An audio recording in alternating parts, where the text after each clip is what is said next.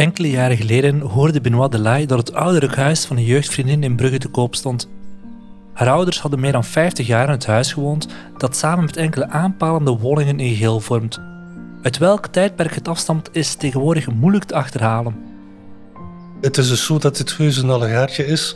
We hebben oorspronkelijk twee diephuizen, twee puntgevels naast elkaar. Die liepen door tot aan de straat misschien met een houten gevel. En die twee huizen en, uh, die worden in de 17e eeuw, waarschijnlijk 1626, worden ze verbouwd. En die verbouwing bestaat erin van de voorste helft van die twee huizen te gaan afbreken en daar een dwarshuis op te bouwen. En dat dwarshuis met die uh, trapgevel die we nu hebben aan de straatzijde, is eigenlijk dat uh, 17e eeuws huis. En van zodra we doorgaan naar het achterste gedeelte, bijvoorbeeld hier de woonkamer, de keuken, dan komen we uit in de twee uh, oudere gebouwen. En die oudere gebouwen die kunnen gesitueerd worden in de 15e eeuw.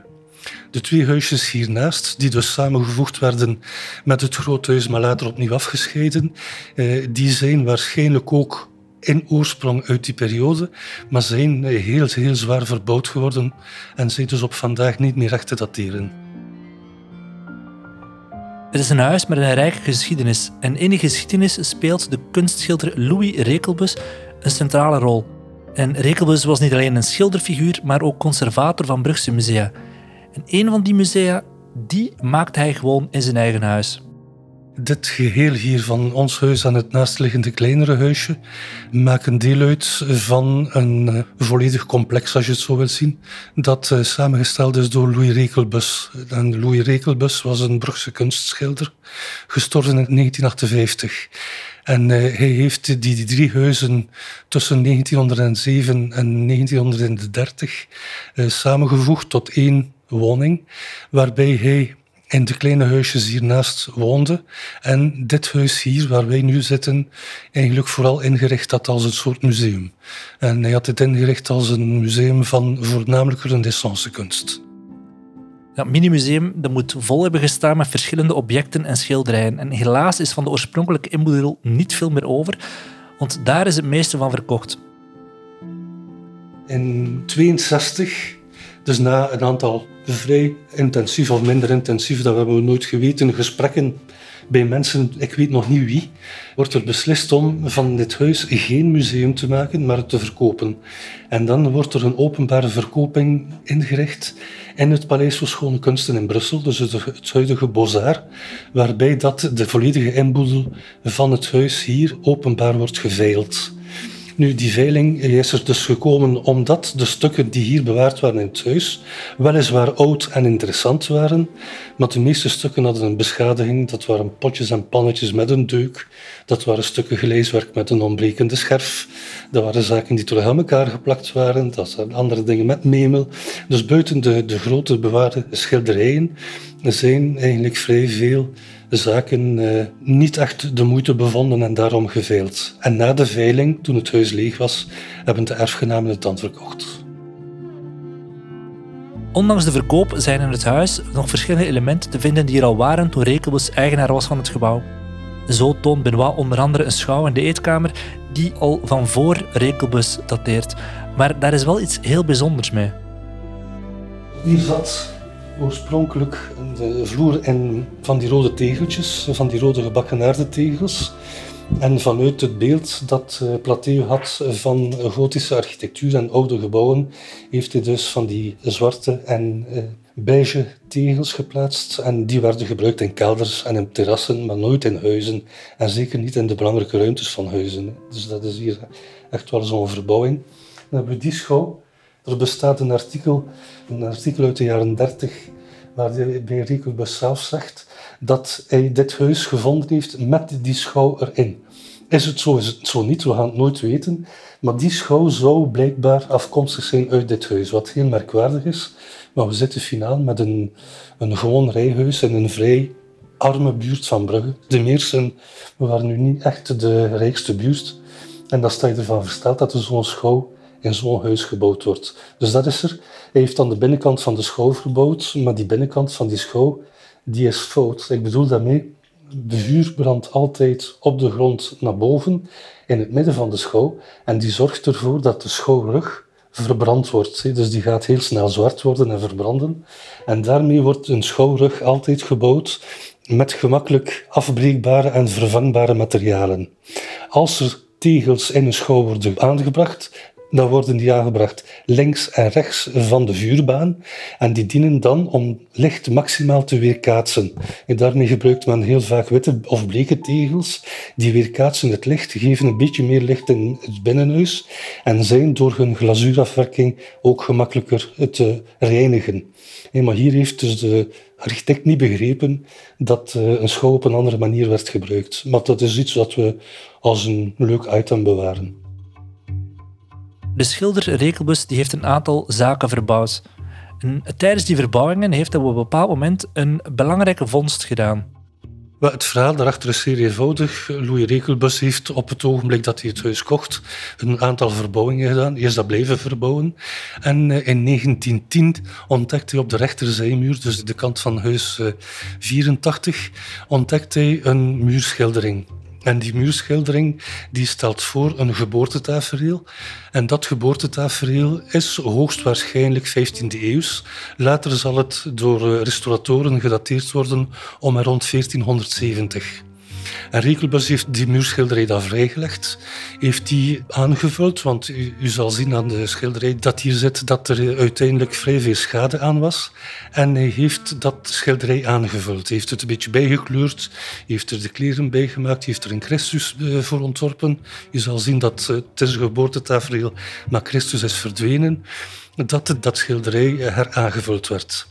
Maar hij was er eigenlijk een beetje beschaamd over. Het is dus zo Rekelbus die uh, verkocht heel veel schilderijen, interieurgezichten die hij maakte van zijn eigen huis. En het is heel merkwaardig dat hij heel vaak schilderijen maakte in de richting van de muurschildering, maar dat hij de muurschildering nooit opnam in zijn schilderijtjes. Dus in die taferelen vulde hij de achtergrond waar die muurschildering staat, bijvoorbeeld in de kleur groen of in een kleur paars. En dat is wel heel merkwaardig, want het toont ergens dat hij op een of andere manier misschien geconfronteerd was geweest met een mislukte restauratie. Daar kunnen we niet over uitspreken. In elk geval, dat schilderij blijft hier hangen. En in 1981, dus in de periode dat het eigendom was van de familie Lees, heeft het KIK, het Koninklijk Instituut voor het Kunstpatrimonium, de muurschildering gerestaureerd. En die hangt hier nu gerestaureerd, gefixeerd. En we houden het continu in de gaten uh, in zaken UV-belichting en uh, de, hoe zou ik het moeten stellen, de vocht- en temperatuurhuishouding, zodanig dat er zo min mogelijk schade aankomt.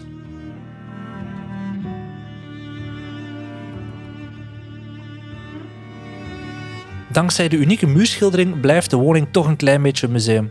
En dat de restauratie niet helemaal gelukt is, dat kan gebeuren. Je moet het Benoit ook niet vertellen, want als conservatiearchitect heeft hij een eigen visie op restauraties.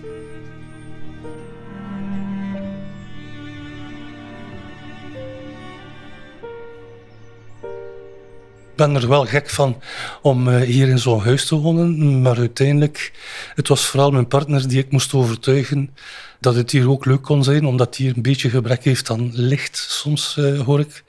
Dit soort oude huizen zijn soms ook een beetje stofferig of rapper stofferig, met die oude balken die je hebt. Maar uiteindelijk, ja nee, mijn beroep heeft er weinig mee te doen gehad. Vooral, maar dan word ik heel technisch. Eh, de restauratie hier is uitgevoerd in de jaren 60 door een architect die niet zo heel goed op de hoogte was van het leven tijdens de middeleeuwen en tijdens de oude tijd, de tijd van vroeger.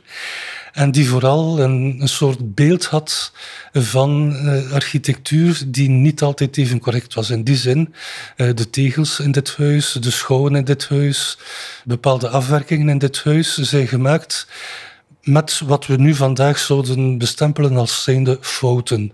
Ik bedoel daarmee, ze zijn gemaakt met de goede bedoelingen, met de ideeën die men had, hoe een middeleeuws huis er had kunnen uitzien. Maar die ideeën waren soms totaal fout. En daarmee is het nu niet echt het meest fantastische visitekaartje voor een conservatiearchitect van in een fout gerestaureerd huis te wonen. Maar toch is het wel heel belangrijk en ik hou eraan van die fouten te bewaren.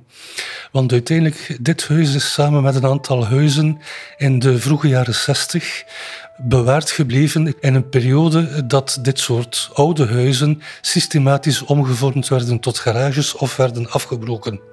Ik bedoel daarmee, in de vroege jaren 60 kregen niet wat je zou kunnen noemen een beweging, maar kreeg je een aantal mensen die zich beginnen afvragen: wat zijn we hier eigenlijk in godsnaam aan het doen? Wat doen we met ons patrimonium? En die mensen, los van elkaar, zonder elkaar te kennen, maar het is heel typisch in een bepaalde korte periode, kopen oude huizen aan, gaan die restaureren in plaats van ze af te breken en gaan erin gaan wonen. En zo kreeg je een soort bottom-up beweging van eigenaars die oudere, soms heel kleine huisjes kopen. Er zijn voorbeelden genoeg in de stad, ons huis. Uh, er is een huis in de Sint-Jan in de Meers nummer 2, het hoekhuis met de Oostmeer, is er eentje van. Eigenlijk de bank, het gemeentekrediet, die ook een vrij oud uh, gotisch gebouw op het Sint-Jansplein uh, verbouwd heeft. Dan heb je verder nog een, een huis in de Bouveriestraat nummer 8. En die huizen worden gerestaureerd als woning. En dat doet de stad en dat doet de maatschappij toch eventjes schrikken. Van, tja, er is toch nog iets mogelijk met die oude dingen. En uit die, ik noem het geen beweging, maar uit die restauraties van die particulieren zal dan de stad garen spinnen door de creatie van bijvoorbeeld de Marcus Gerard Stichting, die dan later in de jaren 60 en de vroege jaren 70 zelf huizen zal opkopen, restaureren en ter beschikking brengen. En het is dus zo dat belangrijk is om te kunnen tonen dat die mensen met goede wil, maar soms ook met fouten, tot het resultaat gekomen zijn. En het belangrijkste resultaat wat dit huis betreft, is dat het bleef staan, is dat het bewaard is gebleven, dat er niets nieuws in de plaats gekomen is en dat het al bij al behoedzaam aangepakt is geworden. Dit niet tegenstaande zaken die we vandaag als fouten beschouwen en niet meer zouden herdoen. Het lijkt haast alsof Benoit beroepshalve verplicht was om in dit monument te komen wonen. En toch hoeft er voor hem niets meer verbouwd te worden aan de woning. Na mijn studies heb ik eh, monumentenzorg gestudeerd bij Le Maire in Leuven. En eigenlijk eerlijk gezegd, om de broden heb ik een drietal huisjes moeten bouwen, helemaal in het begin van mijn carrière. Maar uiteindelijk, uh, ik heb tot nu toe nog niks anders gedaan dan het restaureren van oudere gebouwen, van uh, belangrijke gebouwen tot hele kleine. En uh, ik heb nooit iets anders gekend en nooit iets anders gewild. Dus vraag me niks over moderne bouwmaterialen, moderne isolatiematerialen en zo. Daar zijn we echt niet in thuis, wij zijn restaurateur. Het huis is wat mij betreft af. Ik denk niet dat ik zo nog veel zou kunnen doen. Misschien zijn er initiatieven te nemen om het huis te blijven bewonen op de oude dag. Maar daar zijn we nog niet aan toe, dus daar gaan we nog niet aan denken.